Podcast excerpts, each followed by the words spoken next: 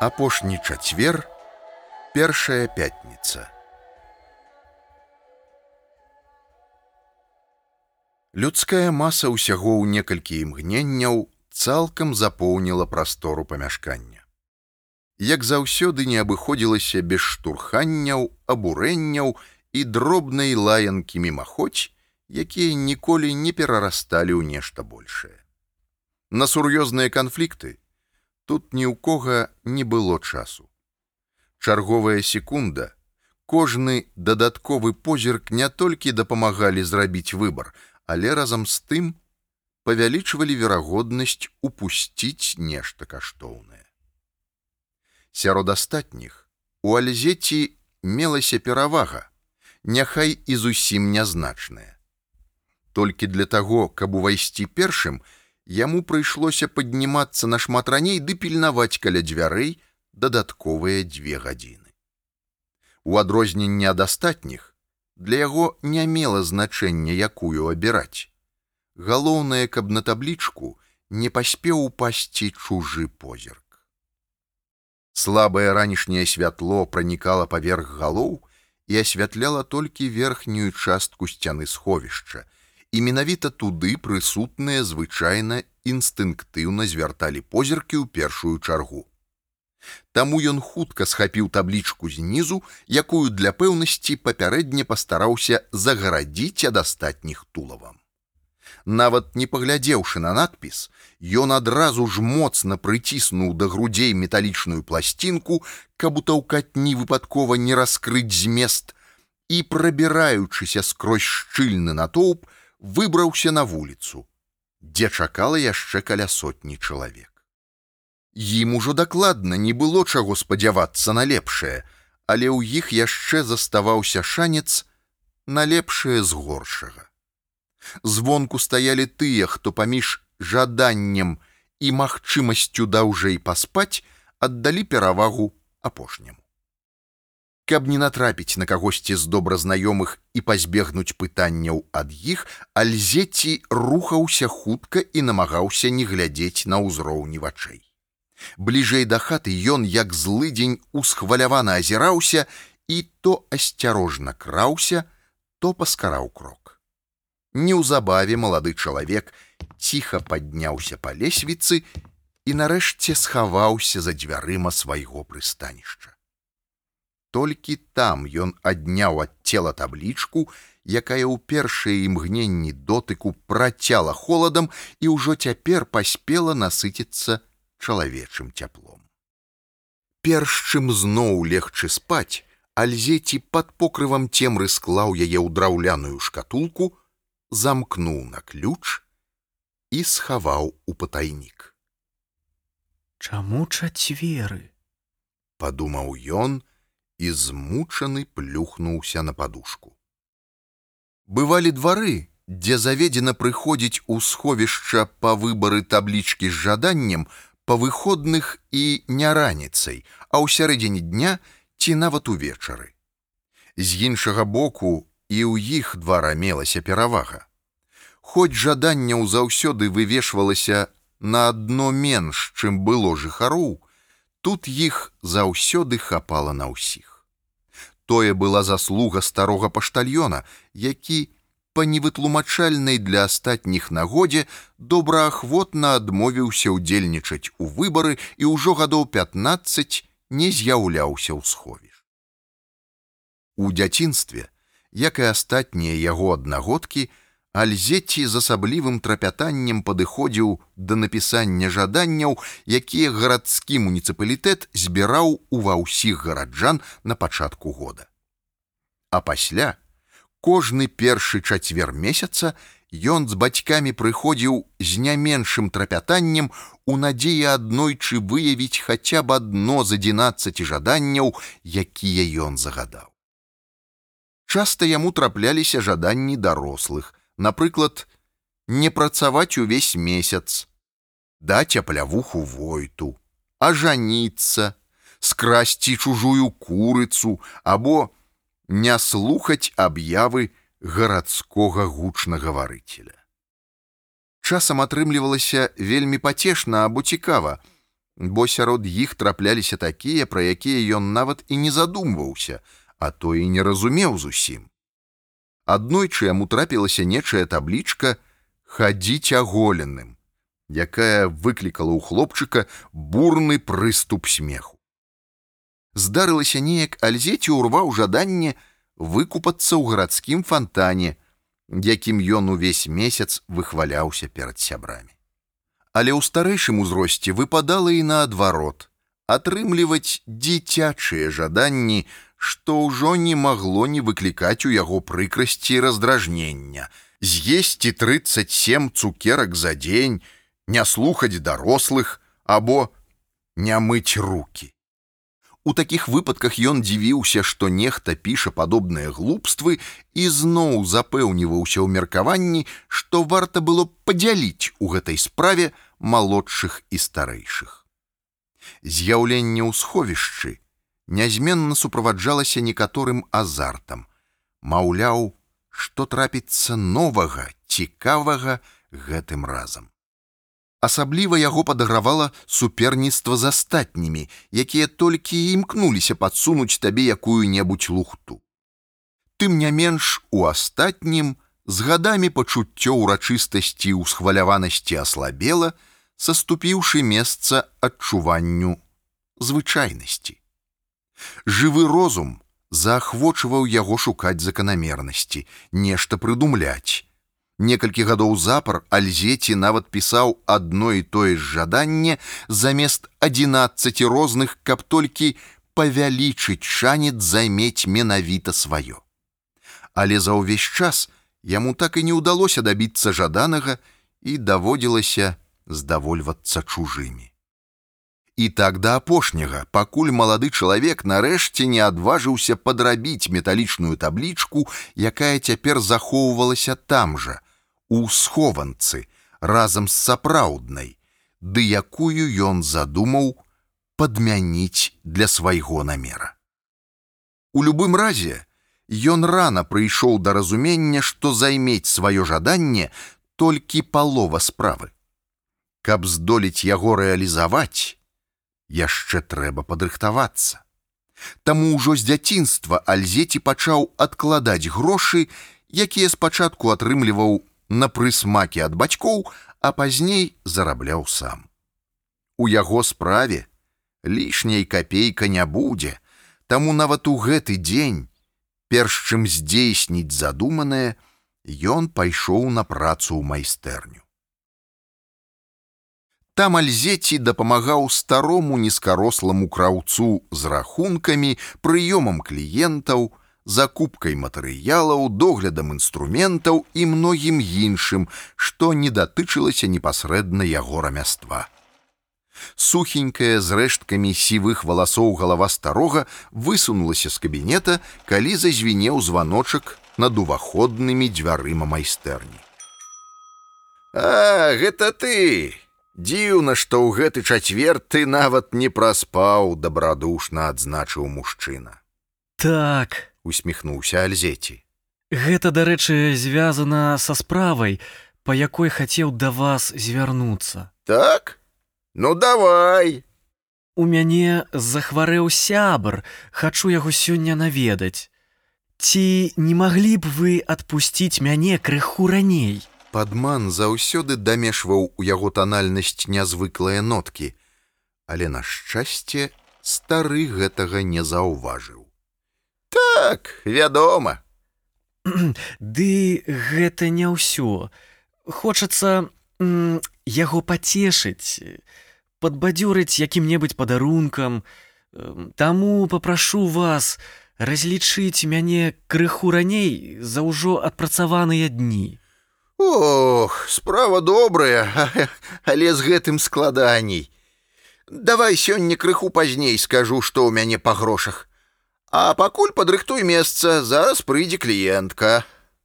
Спадарыня варона? Так, але не называй яе так, калі ласка, праз смех попрасіў кравец. Неўзабаве парог майстэрні пераступіла спадарыня варона. Дзябёлая жанчына з вялікім носам заўсёды хадзіла, заклаўшы за спіну руки, Яна высока задзірала падбародак, з-за чаго яе вочы заўсёды былі накіраваныя як бы зверху ўніз, а выправа магла быць узорнай, калі б спіна не выгіналася ўжо занадта празмерна.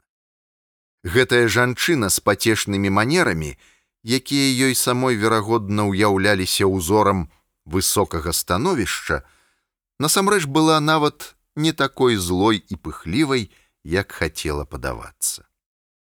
Каб чымсьці заняць даўнюю кліентку падчас зняцця мерак, стары кравец, як таго патрабаваў звычай яго рамяства, адразу ж пачаў з ёй пустую балбатню.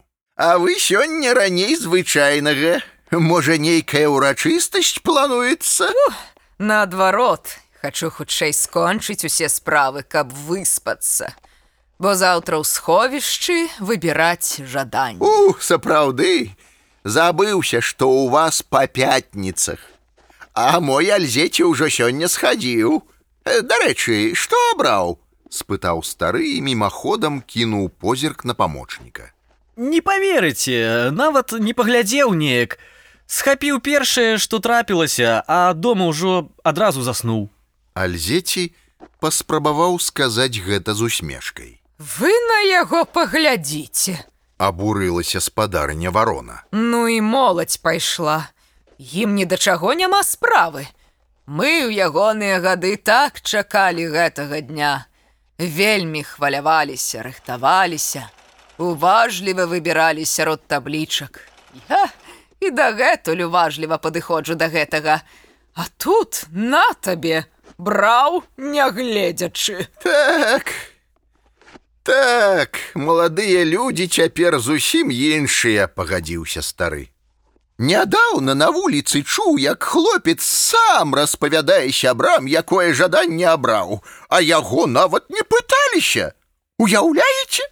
Сам, нават не чакаючы пытання. Які сорам, які сорам! Жахнулася жанчына і недаверліва паглядзела на майстра.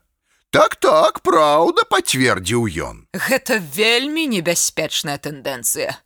Так нядоўга, што пачнуць увогуле мяняцца таблічкамі паміж сабой. Каму якая падабаецца. Ага, але самае страшнае, калі перастануць прытрымлівацца жаданняў, якія можна выбраць, а будуць рабіць, што захочуць. Жах, спадзяюся, што не заспею гэтага. Так, я чуў, што ў чужых гарадах так і адбываецца. Прашу вас досыць.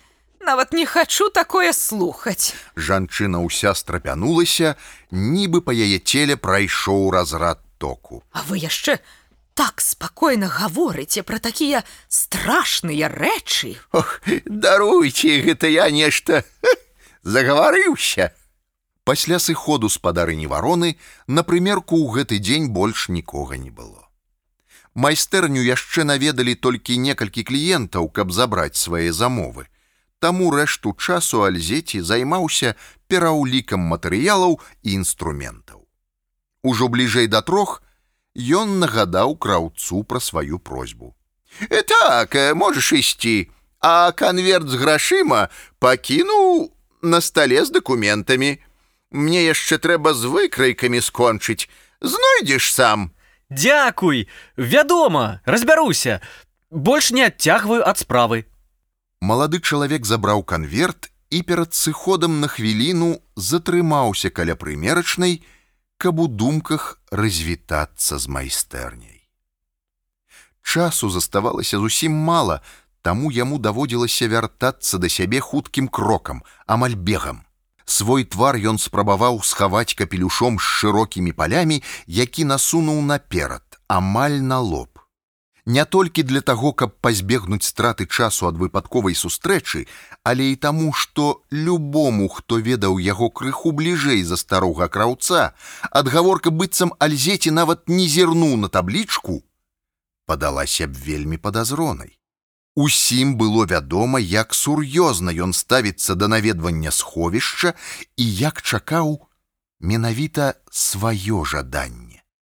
А ўхіленне ад адказу выклікала б падазрэнні не меншыя, не кажучы ўжо пра тое, што гэта лічылася непрыстойным. Дома ён хутка, але сытна падсілкаваўся. Торба была даўно сабраная. Заставалася толькі дастаць са схованкі назапашаныя грошы і падробленую таблічку. Ці браць з сабой сапраўдную. Ён баяўся, што яна можа выдаць сябе якім-небудзь чынам у самы няўдалы момант. Калі пакінуць, то аднойчы яго падман выявіцца. Але з іншага боку гэта ўжо не будзе мець для яго значэння. Альзеці раней не мог разлічыць, які варыянт лепшы. Таму толькі ў апошні момант канчаткова вырашыў, што сапраўдная таблічка — застанецца под замком у схованцы. Раней ён спрабаваў скрупулёзна прапісаць паслядоўны план дзеянняў, куды ехаць, дзе пераначаваць, куды накіравацца далей, колькі грошай спатрэбіцца. Ён падоўгу шукаў інфармацыю, чытаў, вывучаў, пашмат разоў усё перапісваў, але атрымлівалася неяк не так, і ў канчатковым выніку альзеці вырашыў адмовіцца ад плана і паступаць як атрымаецца, бо прадбачыць усё было немагчыма. Вось і цяпер, аглядаючы свой дом у апошні раз, ён разважаў, што яшчэ абавязкова варта з сабой узяць. Ці браць старыя нататкі. У адзін з момантаў ён усвядоміў, што варта спыніцца, бо чым даўжэй ён сумняваўся, тым больш рэчаў хацелася ўзяць. Старыя рэчы, стары свет спрабавалі яго затрымаць і не даць сысці. Малады чалавек рэзкім рухам нацягнуў капялюш і перакінуў праз плячо рамень торбы.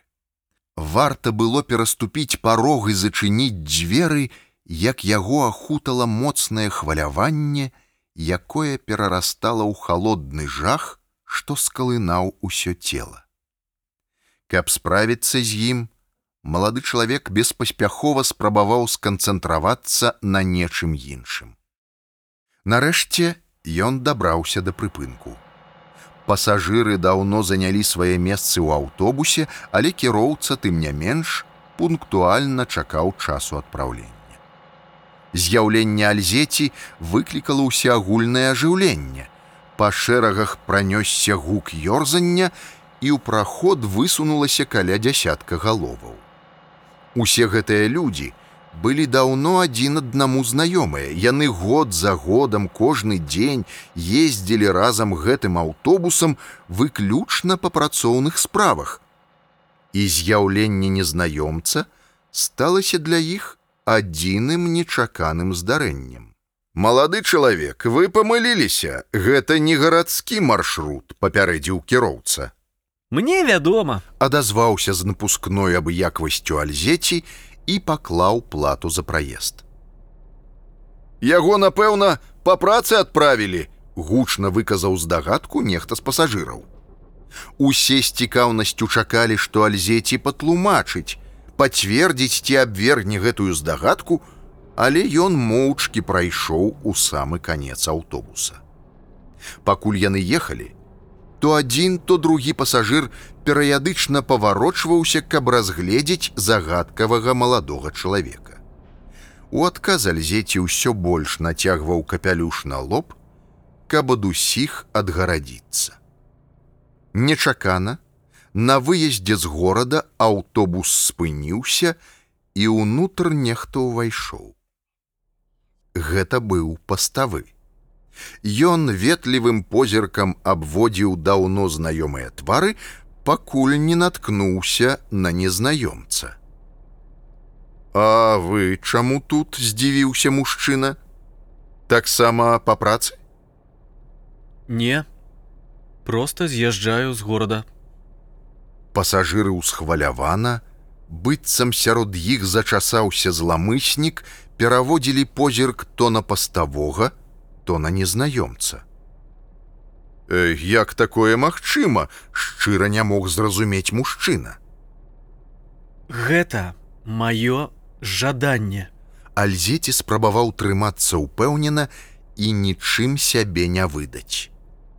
Ваше жаданне Здавалася, паставы ніяк не мог зразумець гэтыя простыя словы.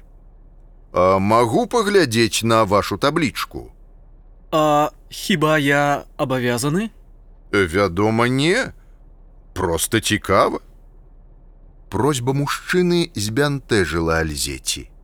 Ён быў настроены праявіць цвёрдасць і адмовіць, але ажыццяўленне яго жадання было такім блізкім і ў той жа час уразлівым, што ён усё ж вырашыў у апошні раз паддацца і дастаў з торбы таблічку.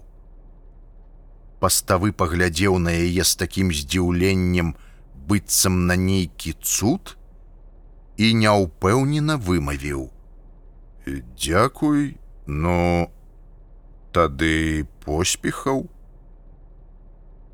Пасля сыходу паставога аўтобус зноў рушыў у дарогу, а пасажыры з яшчэ большай увагай пазіралі на маладога чалавека рэшту дарогі. У іх вачах альзеці улоўліваў ужо не толькі здзіўленне, але і неразуменне, абурэнне і можа нават асуджэнне, маўляў, як магчыма пакінуць такое месца, дзе можна мець столькі жаданняў. Нарэшце, калі аўтобус прыбыў на канцавы, ён выйшаў і смела накіраваўся ў глыб новага горада. Яму не хацелася есці. Ён не адчуваў стомленасці, нічога не планаваў, а толькі захапляўся, што ўжо хутка. Ужо заўтра наступіць яго першая пятніца ў новым месцы, а разам з ёй і яшчэ нешта большее, што ён пакуль не быў здольны апісаць словамі.